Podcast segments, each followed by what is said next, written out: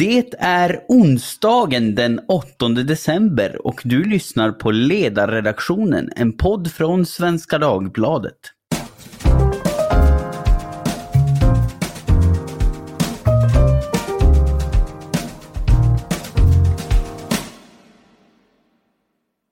Jag heter Jesper Sandström och idag ska vi prata om ett laddat, förhoppningsvis spännande ämne, nämligen el. Ett ämne som väl har hamnat osedvanligt högt upp på tapeten i och med rekordpriserna på just el under de senaste dagarna. Så vi ska grotta ner oss i vad vi behöver göra för att säkerställa rimlig tillgång till denna vara som är så viktig och så hett eftertraktad i snart sagt varenda liten beståndsdel av vårt samhälle. Och med mig för att göra det har jag två personer som verkligen kan el. Roger Strandahl, kommunikationschef för kraftbolaget Uniper i Sverige. Hej Roger! Hej Jesper! Och Maja Lundbäck, expert inom elförsörjningens systemsäkerhet. Hej Maja! Hejsan hejsan! Kul att ha er här båda två. Maja, om vi börjar med dig. Eh, fröet till den här podden får man väl säga såddes med en fråga som du ställde på Twitter för några månader sedan.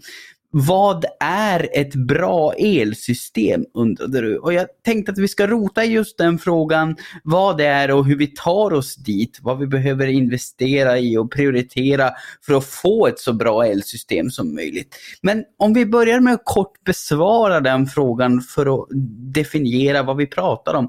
Vad är ett bra elsystem enligt dig Maja? Men väldigt kort. Eh, när man tänker på den så är det ju ett elsystem som går att köras och således kan leverera el till oss. Både när solen skiner eh, och, men även under svårare påfrestningar eftersom vi är så, precis som du nämnde i inledningen, beroende av just el. Och ett bra elsystem i det här fallet, då, med tanke på samhällets utveckling, det är väl att vi successivt får mer och mer överföringskapacitet, att vi klarar svårare och svårare påfrestningar och har en billigare och billigare tillgång till el över tid. Det är väl några sådana kriterier man behöver titta på för att se vad, vad är då ett bra elsystem, vad vill vi ha? Vad säger du Roger, delar du Majas bild av vad ett bra elsystem är för någonting? Ja, och jag tycker det är viktigt att också referera till historien. Vi kommer ju från ett väldigt bra elsystem. Eh, fossilfritt faktiskt, eh, på, pålitligt, till rimliga priser så att vi vet att det går att bygga ett sådant. Eh, och till det kommer då den kommande expansionen och elektrifieringen där det måste fortsätta vara pålitligt till rimlig kostnad och, eh, och så. Vi lever också i ett kallt och mörkt land på vintern så att någonstans måste industri och samhälle kunna lita på elsystemet. Och det har varit en väldig framgångsfaktor för Sverige AB, om jag får formulera det så, eh, under lång tid.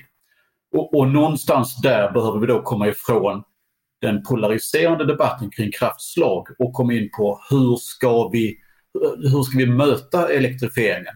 Hur ska Sverige vara konkurrenskraftigt och så vidare. Så någonstans kommer jag från den, det perspektivet. Ja, och vi ska, vi ska komma in på det, hur, hur vi gör.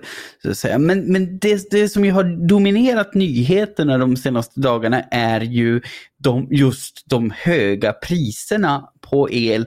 Och i Twitter-tråden eh, där den här frågan jag nämnde först i avsnittet ställdes, eh, Maja, där ifrågasatte du ju också ett påstående som ibland dyker upp i debatten, att höga elpriser inte är ett problem. Du, du menar att de visst är problematiska. Varför då? Men det är problematiskt med höga elpriser, framförallt om man ser ur systemets eh, förmåga att köras och så vidare. För som vilken marknad som helst, när priserna går upp så betyder det ju också att eh, det är hög efterfrågan. Och eh, går det så pass långt till slut så har vi ju inte tillräckligt med el för att försörja alla medborgare. Och det som händer då i ett sådant extremt fall, eh, det är ju att man börjar koppla bort förbrukare rent fysikaliskt i systemet. Så elpriserna är ju bara en spegling och en indikering på status i elsystemet. Och ju högre efterfrågan där, det kan vara, säg att vi ser att vi har mycket efterfrågan i södra Sverige eh, och ganska lite produktion, det gör ju att priserna i södra Sverige stiger och det frestar ju på elsystemet rent fysikaliskt att föra över den här elen. Och ju mer som måste föras över, ju hårdare belastar du den. Så det har en direkt koppling till det fysiska systemet och hur det faktiskt används och vilka typer av marginaler man har i ett system och klarat eventuella följdfel och händelser och så. Precis, höga priser är kanske det, det, det mest, den mest uppenbara signalen mm. för att marginalerna börjar vara väldigt små. Va, vad säger du Roger, delar du eh, Majas bild av att höga priser är ett tecken på något problematiskt? Hög i sig är ju en värdering och som representant för ett energibolag kan det tyckas paradoxalt att man inte tycker om höga priser. Men det är viktigt att konstatera ett par saker. Marknaden fungerar ganska väl trots allt. Men höga prisnivån beror nog ändå på att vi faktiskt har avsaknad av elproduktion. Sen är vi ju sammankopplade med EU och vi har ju regler och annat som kräver att vi måste kunna exportera och importera upp till vissa nivåer. Eh, så det är ju inte enbart en svensk problematik. Det tror jag är viktigt att få fram. Men då om jag tar på mig elbolagshatten återigen. Vi som producent vill ju gärna se en konkurrenskraftig och stark industri i Sverige. Det gynnar ju oss på sikt och över tid. Vi vill ju inte se att industrin slås ut för att en komparativ fördel som elen är eh, försvinner för oss. Vi har ju haft en väldigt stark fördel som land under lång tid. Den vill vi gärna bibehålla. Det gagnar ju oss som energiproducent också över tid. Eh, sen vill jag nog ändå säga att både politik och myndigheter har nog insett att det finns en problematik där vi har hamnat just nu. Eh, och, och, och, av det jag ser så det jobbas ganska hårt eh, från, från Svenska kraftnät och från andra att faktiskt komma ikapp. Det, det, får man nog säga. Sen finns det stora problem, just här och nu. Men, men, på sikt så vi vill ju inte se priser där industri slås ut. Det gagnar inte oss. Högt eller ej, och högt är ju en värdering. Sak som du sa där Roger, att vi absolut är en del av den europeiska marknaden och det har vi ju varit sedan elsystemet byggdes. Men det man kan konstatera är ju att sedan den inhemska produktionen har lagt ner så har vi blivit mer och mer påverkade av den europeiska marknaden. Förut har ju gaspriserna i den också kunnat vara, vara ganska volatila de senaste 10-15 åren kan man ju säga, men vi har inte påverkats nämnvärt. Så att jag tycker att man ska ha med sig historien, precis som du sa i backspegeln, att vi har ju klarat oss. Vi har ju varit mer oberoende av de europeiska elpriserna om man har ett starkt inhemsk produktion också och en stark överföringsförmåga. Och, och, du menar att det, det oberoendet är försvagat nu för vi har inte samma marginaler längre? vi är ju mer och mer beroende av import från, från Europa. Så är det och vår överföringsförmåga är inte lika stark längre som den är, har varit tidigare då, i det inhemska systemet. Och det tycker jag vi borde reflektera lite över också, att det går ju att jag menar, det, den europeiska ihopkopplingen och, och samkörning som har skett framförallt inom Norden och norra Europa, det är något som har gynnat oss under väldigt lång, lång tid. Och det behöver vi ta med oss tror jag. Första samkörningen vi hade med Danmark skedde redan 1912. Så det, det, är ju en förutsättning för ett gott kraftsystem, men det gäller ju att vi utvecklar vårt eget kraftsystem så att vi taktar med det här också, så att det fortsätter vara en fördel. Det skulle jag vilja trycka lite på. Och, och, det där tror jag är viktigt att understryka för jag ser att det, det, det, slängs med det påståendet i debatten ibland att ja men vi är anslutna till en europeisk marknad och att, att det, liksom, det, det antyds att det skulle vara det som har försatt, försatt oss i den här situationen. Till exempel igår såg jag att folk kommenterade att ja men det är för Polens skull vi kör Karlshamnsverket nu för att ha reservkraft. Eh, och man, man liksom antyder att ja, men hade vi bara stått själva så hade vi varit i en bättre sits. Men, men så är det inte menar du? Nej, och, och den här samkörningen och som man hjälps åt med i grannländerna som är ihopkopplade är ju jätteviktig och det är en enorm trygghet att ha den här samkörningen. Eh, så det ska vi ju behålla, men det är ju de minskade marginalerna, eh, framförallt hos i Norden då, jämfört med hur vi har haft det innan som skapar de här förändringarna. Och det måste vi ju mm. beakta. Men att det, de här förändringarna skulle bero på att vi nu är kopplade till en europeiskt eh, nätverk, det har jag lite svårt att se för vi har alltid varit ihopkopplade och det har ju varit en styrka och måste ju fortsätta vara en solidarisk styrka, framförallt när det kommer till energisäkerhet och hur vi som eh, union står starka tillsammans. Vad säger du Roger? Är det, delar du Majas bild här eller finns det Finns det något som faktiskt har gett oss en ökad problematik i och med att vi är i högre grad sammankopplade med andra länder? Sammankopplingen är en styrka, men någonstans måste man titta på vad Sverige själva har gjort. Vi har lagt ner ganska mycket planerbar produktion på väldigt kort tid. Vi har också byggt ut väderberoende produktion uppe i norr. Och det innebär att transmissionssystemet i Sverige, det vill säga motorvägen för elkraft, har inte hängt med riktigt. Eh, och det där är ganska stora utmaningar, inte minst ur tillståndsprocessperspektivet. Det har ju i sin tur lett till att både Finland och Norge eh, är lite irriterade på oss för att vi inte klarar att möta det här samarbets, eh, ja, eh, egentligen samarbetskravet som finns. Så att i någon mening är det ett hemmakokt problem. Det går ganska fort. Eh, vi hade behövt mer planerbar produktion i södra Sverige. Det, det tror jag de flesta är överens om efter, efter den här hösten. Eh, men visst är det väldigt, väldigt bra att vi kan dela energi med runt omkring liggande länder. Det, det, och Sverige över året exporterar ju el som netto. Men man måste skilja det från effektfrågan, att det finns effekt här och nu, varje timme, varje dag, varje dygn. Så att lampan lyser helt enkelt, att industrin kan fungera. Den diskussionen är lite rörig ibland kan man tycka. Visst blir den det? Och jag skulle bara vilja lägga till också, det är ju, och nu när vi har satt oss i den här situationen, att vi har minskade marginaler, nu är vi ju ännu mer beroende av våra grannländer och den europeiska marknaden och hopkopplingen där, för de, de hjälper ju oss när vi behöver hjälp. Så att det, den är ju ännu viktigare idag med tanke på den, det du kallar vår hemkokta groda. Så har den ju blivit det för att, för att vår försörjning ska gå ihop. Men, om, om, om vi vill röra oss eh, framåt eh, muntert och konstruktivt och om vi vill att våra politiker ska investera i och planera för ett elsystem som kontinuerligt blir bättre enligt den definition vi fick här i början av avsnittet. Var ska vi börja då Maja? Vad är det viktigaste att ta sig an här och nu? Men vi har ju fokuserat mycket på att bygga ut nät och vi har fokuserat väldigt mycket, det har kommit väldigt mycket förfrågningar om att bygga ut för konsumenter också, både i stora industrier i norr men även i söder.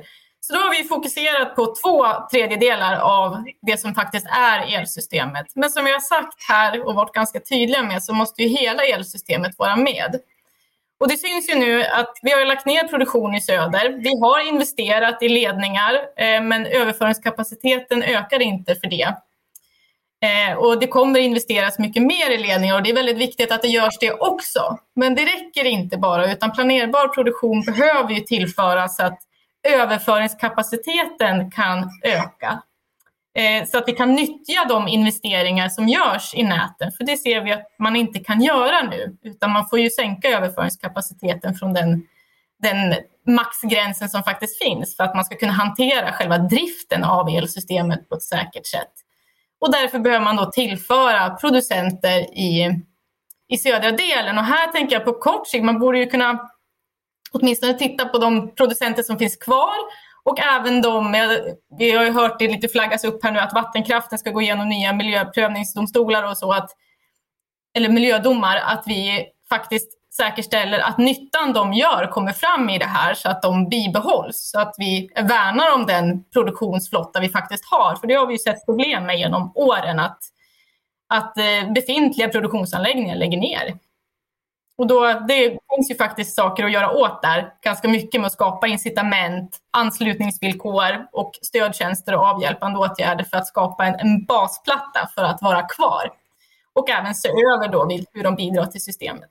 Ja, alltså att helt enkelt från politiskt håll säkerställa så goda villkor som möjligt för, för befintliga producenter att faktiskt vara kvar i, i nätet. Och här skulle jag vilja lyfta att jag tror att politikerna på EU-nivå och där Sverige har varit med har gjort ett bra försök i och med det regelverket vi faktiskt har idag. Det är ju ganska ungt och ganska nytt och förtydligas ju ganska tydligt här 2019. Men det har man ju kommit fram till i de här regeringsuppdragen som har ja, blev klar här 2020 tror jag, till exempel, att befintligt regelverk eh, borde räcka. Vi kan åtminstone börja med det, att verkligen implementera det fullt ut. Så där kan man väl säga att politiken har gjort sitt, eller ett försök i alla fall, så får vi se hur långt det räcker. Ja, det låter ju hoppfullt. Eh, Roger, vad säger du? Delar du Majas bild av vad som behöver göras på kort sikt? Jag skulle nu vilja börja med Energikommissionens resultat 2015-2016. Eh, och, och ge en viss eloge till dåvarande eh, energiminister Ibrahim Baylan trots allt som fick ihop det där. det, det som ändå då saknades var konsekvensanalyser av subventionsprogram och liknande. Och jag skulle vilja påstå att svensk politik behöver höja ambitionen. Vi behöver gå från 100% förnybart till 100% fossilfritt elsystem. Eh, och inse att alla fossilfria kraftslag har en roll att spela. Inte minst om vi ska fördubbla elförbrukningen på 25 år. Jag, jag förvånas ibland över att skalan och insatsen i det vi behöver göra för att göra andra sektorer fossilfria, den är gigantisk. Eh, det här är ju en framtidsbransch av rang. Men då ska vi höja ambitionen från 100% förnybart till 100% fossilfritt och, och ha det perspektivet istället. Så med det sagt så delar jag Majas bedömning Jesper. Ja, och, och i klartext när du säger eh, 100% eh, fossilfritt snarare än 100% förnybart. Menar, menar du då med det att vi måste inkludera även kärnkraft i våra ambitioner? Det, ja, de som känner mig vet att det är en självklarhet från min sida. Men det, det är ju ändå så att vi kommer behöva all vind, all vattenkraft, all kärnkraft vi, vi någonsin kan producera om vi ska klara att leverera 300 terawattimmar. Till det så ska vi då också exportera vätgas till länder på kontinenten som ska produceras fossilfritt. Eh, och till det ska vi försörja samhället med industri, och industrin med el eh, till rimliga kostnader. Jag, jag tror inte vi har vare sig råd eller tid att utesluta fossilfria tekniker. Och vi ser ju det i andra länder också. Och det, jag tror faktiskt det, det finns nog ändå plats för alla. Det låter lite klyschigt men jag, jag tror vi behöver havsbaserad vind, vi behöver ny kärnkraft, vi behöver säkra vattenkraften eh, så gott det bara går för att utmaningen är ganska stor för oss. Men med det sagt, vi, vi har gjort det förut. Eh, det finns ju goda exempel på att det här faktiskt går att göra och att Sverige skulle kunna bli eh, återigen ett föregångsland i, i fossilfrihet till en rimlig kostnad. För någonstans ska kalaset betalas också. Ja, vad säger du Maja? Är, är det som Roger säger här, att vi, vi behöver allt vi kan få, inklusive ja. kärnkraft? Ja, men det behöver vi absolut. Och kärnkraften står ju här och nu. Eh, och vi behöver verkligen allt. Men det vi också behöver se över, det är ju den roll varje del spelar i den här förändringen. Man behöver se över vattenkraftens roll för driften av elsystemet, både i glada och trevliga och fredliga tider som i väldigt svåra tider. Man behöver se över kärnkraftens roll som basproducent eller flexibel producent. Man behöver se över framförallt vindkraftens roll nu som nu ska ta en ganska stor del av elsystemet och måste göra det, precis som Roger säger, för allting behöver ju då eh, användas för att vi ska klara det här jättemålet med elektrifiering av, av industrier och samhälle. Eh, då behöver de, eh, teknikerna behöver ju mogna in i det här systemet som är på framväxt. Eh, precis så som man gjorde på 60 och 70-talet så behöver vi ju göra det igen. Och då behöver man se över hela systemet så att var och en har sin roll och vet vad man ska bidra med. För varje anslutning har ju både en positiv och en negativ påverkan och det gäller att hantera det på bästa sätt. Och det gäller att se till att de här kommer in i systemet eh, så att det går att köra det på ett optimalt och effektivt sätt så att man inte får en jättedyr systemdrift eller inlåsningar. För då får vi ju fortfarande väldigt höga elkostnader och det vill vi ju inte ha. Nej, och här räcker Roger upp handen ser jag. Ja, nej, jag, jag bara kommer att tänka på en konferens jag var på för förra veckan, en energikonferens i Stockholm. Där Henrik Henriksson från Green Steel gjorde ett ganska klokt citat och sa att ju mer kärnkraft vi har, ju mer vind kan vi bygga. Ja. Alltså, det här är ju inte konkurrerande tekniker, det är ju kompletterande tekniker i mångt och mycket. Eh, och kan vi, kan vi landa på det på något sätt i den svenska energidebatten så tror jag mycket vore vunnet.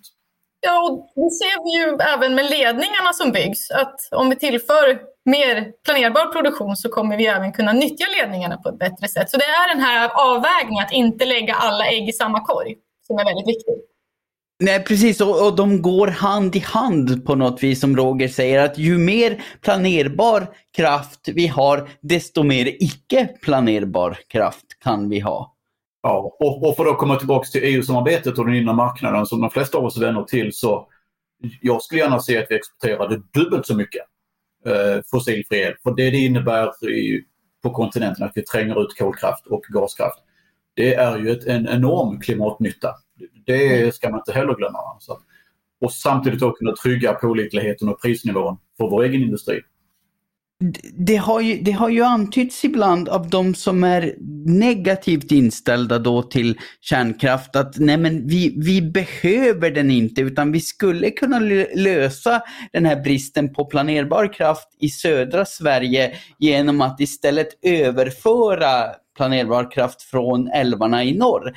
Eh, är det, är det en realistisk lösning som vi bara inte har utforskat eller, eller är det liksom en önskedröm? Va, vad säger du Maja? Ja, man kan ju titta på hur det har sett ut för nu är ju inte bara kärnkraften som har lagts ner i söder utan vi har även de lokala värmekraften och även små vattenkraftverk och så vidare. Ehm, det, det, har ju haft en stor påverkan på systemdriften, på elpriserna och även hur själva tarifferna, alltså hur det kostar att driva systemet. Eh, så att det får ju en påverkan. Här är ju frågan vilket typ av elsystem vi vill ha. Om vi vill ha ett konkurrenskraftigt elsystem med de låga elpriser vi har varit historiskt vana med så, har det här, så, så kommer det ju inte bli så om vi inte har någon form av planerbar produktion som ersätter kärnkraftens systemegenskaper som de har, både som tryckpunkt och stabiliserande.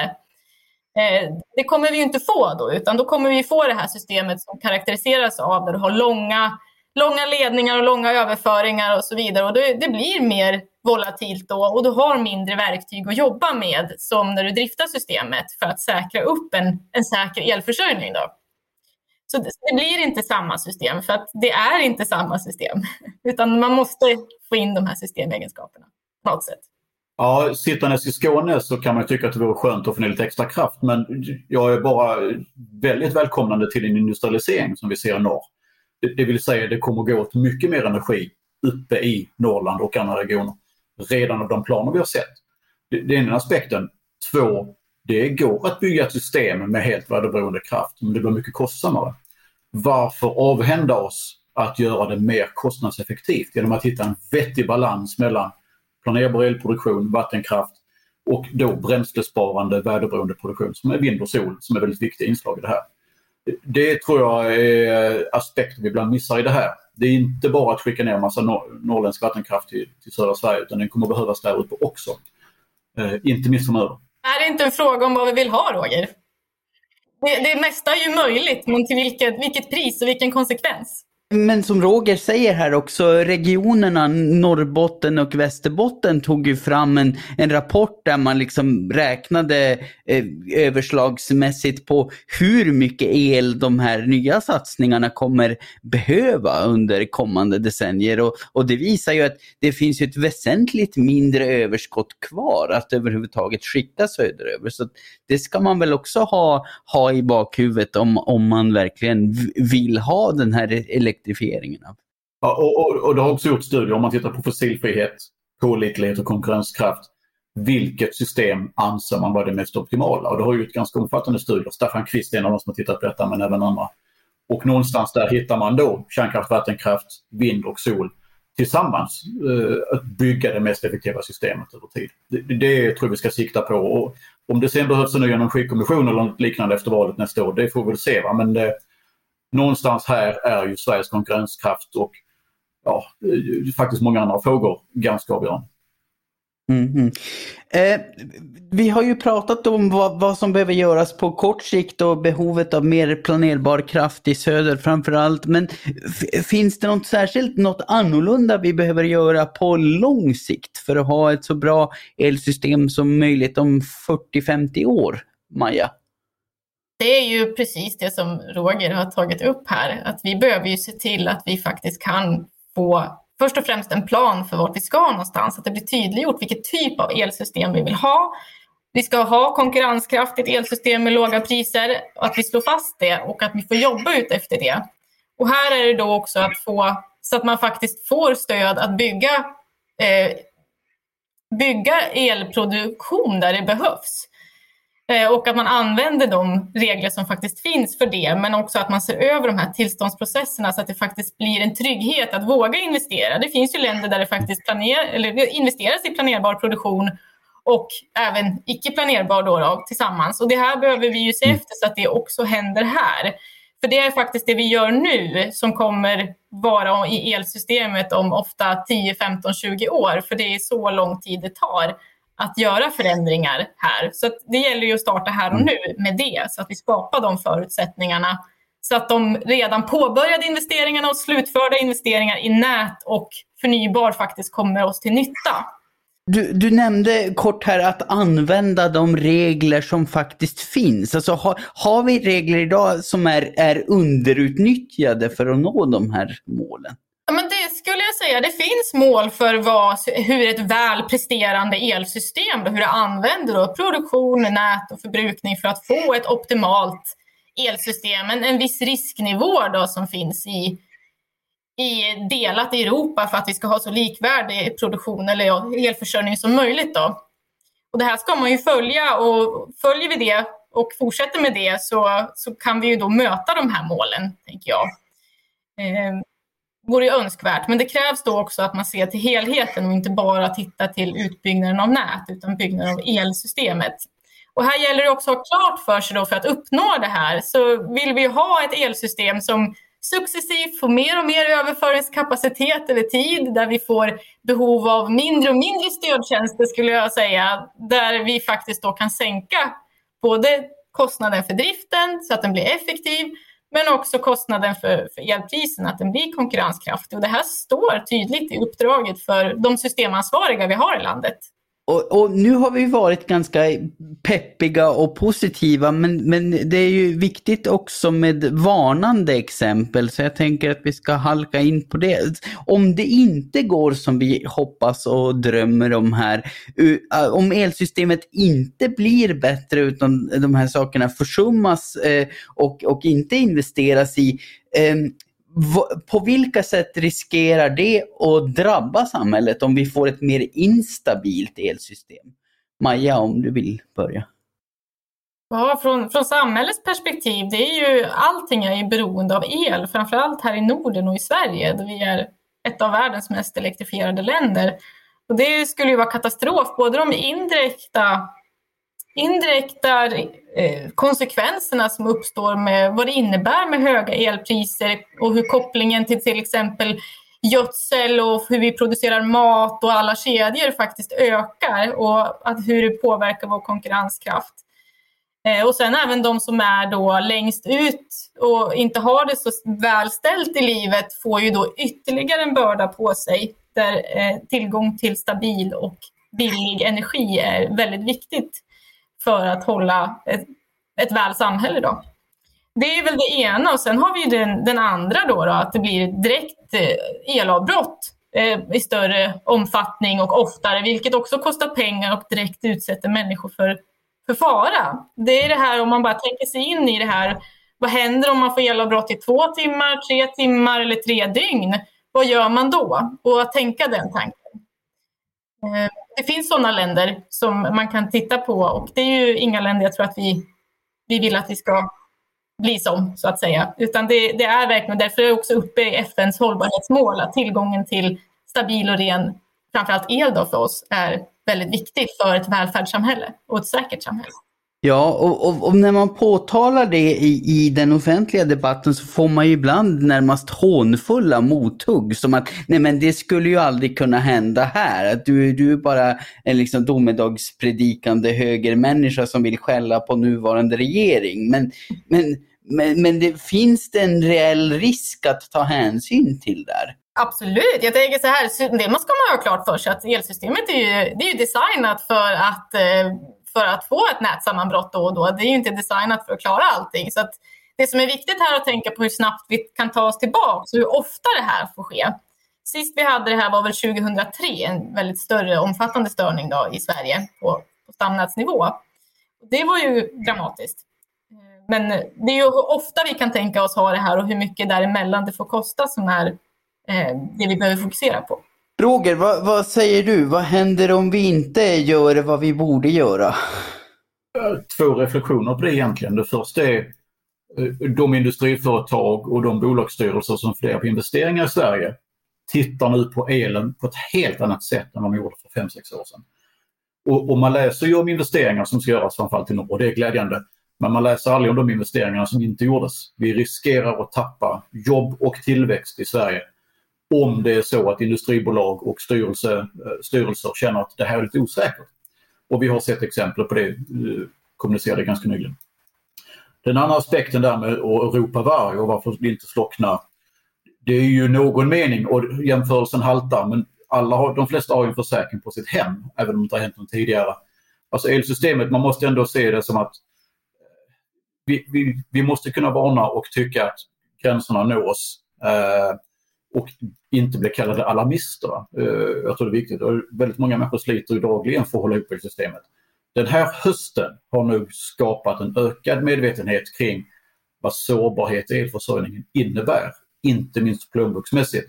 Och någonstans, för att bli lite mer filosof filosofisk i frågan, hur, hur ser vi som samhälle på att leva i ett modernt samhälle? Är, är elsystemet till för användarna eller, eller ska användarna rätta sig efter elsystemet? Det, det finns ju en sån debatt när det gäller efterfrågeflexibilitet och, eh, och lite populistiska kommentarer om dammsugning och annat. Det kan man egentligen lämna därhän men det, det, är, det är en viktig aspekt att, som jag ser det i alla fall, elsystemet måste vara till för samhälle och industri på ett så kostnadseffektivt och godtagbart sätt som möjligt. Sen ska man inte bygga ett elsystem som 100% klarar alla möjliga fall för det skulle bli väldigt dyrt. Va? Och då jobbar man med sannolikheter, 99,5 procent eller 99 procent. Jag, jag kan inte de siffrorna. Eh, och det är ju en rimlig bedömning ändå som samhället har gjort. Men, men det här tror jag för den kommande elektrifieringen, vi ska bygga ut, vi ska dubbla elförbrukningen och vi ska också ersätta den befintliga elproduktionen samtidigt. Eh, jag, jag kommer tillbaka till det här och jag får nog skicka en liten blänkare till alla studenter som får upp de ska jobba någonstans. Det här är en framtidsindustri, det här är en framtidsbransch för oss. Oaktat vad vi tycker om kortsiktiga bekymmer. och Så. För det, det kommer finnas otroligt mycket att göra som ÖBSP. Ja, vi hoppas att det görs eh, så mycket som möjligt i så god riktning som möjligt så att vi får ett eh, fossilfritt och elektrifierat samhälle som fungerar till rimlig kostnad. Men om vi för att avrunda ska ge lite hjälp åt Ja, jag hjälper mig själv och förhoppningsvis andra journalistkollegor Eh, i den mediala bevakningen av energisystem och elektrifiering, är det något särskilt ni tycker är underbevakat? Någonting vi borde prata mer om än vi gör idag? Roger, vad, vad säger du? Ja, det, det är svårt att recensera medier och jobba med dem på ett sätt men eh, jag kan ibland tycka att klickrubriker speglar inte alltid verkligheten och det som står i artiklarna. Alltså, jag tycker nog ändå vi har hyfsad belysning eh, av elläget, det, det måste jag säga. Eh, sen är det såklart ett ämne som inte är på allas top of mind hela tiden. Va? Det, det får man förståelse för men eh, ja, jag, jag vet inte riktigt hur jag ska recensera media. Jag... Men mindre clickbait säger du i alla fall. Det, det kan väl jag också skriva under på. Eh, Maja, vad, vad säger du? Tycker du att det finns någon särskild del av det här som borde tas upp oftare Ja, alltså jag, jag kommer tillbaka till det igen och igen. Att vi behöver ju ha en tydlig riktning om vilken, vilken typ av elförsörjning vill vi ha. En, någon form av strategisk inriktning och mål så att vi vet att vi ska ta oss från A till B och vad det där B faktiskt är. Det är enormt viktigt så att hela den här enorma sektorn kan börja dra åt samma håll. Då kommer vi hitta lösningar. Men jag saknar den och det, med det sagt så är det väl då också fokus på lösningar. Man hamnar i clickbait, man hamnar också i skuldfrågan och det har vi inte tid med just nu är min bedömning. Nej du, nej, du sa det, det var också på Twitter va, att vi ska kanske inte fundera så mycket på vems fel det är att vi är där vi är, utan vi ska fundera på var vi ska någonstans. Precis, och vi har ju verkligen varit, ja, vi har ju haft ett av världens absolut bästa elsystem och jag tycker vi ska vara så tacksamma för de ingenjörerna som gav oss det här. Och någonstans behöver vi fokusera på det, att ge nästa generation precis samma förutsättningar, bättre förutsättningar, precis som Roger sa, att vi ska ju göra en enorm omvälvning här. Så det, det tycker jag att vi ska lägga all kraft vi verkligen har, för det är inte en människa, ett beslut som har tagit oss dit vi är idag och det är inte en människa och ett beslut som kommer ta oss dit vi vill imorgon. Ja, men, men det tycker jag var, var vackra slutord för en podd, får jag säga. Och med de orden så får jag säga tack till er båda. Roger Strandahl, eh, kommunikationschef på Uniper i Sverige och eh, Maja Lundbäck, expert inom elförsörjningens systemsäkerhet. Tack så mycket för att ni var med idag. Tack själv Jesper. Tack också till alla lyssnare. Vill ni skicka oss elektronisk post med undringar, tips eller annat matnyttigt så skickar ni den till ledarsidan svd.se. Producent, det är som vanligt jag, Jesper Sandström och jag hoppas att vi hörs igen alldeles strax. Tack för idag och hej då!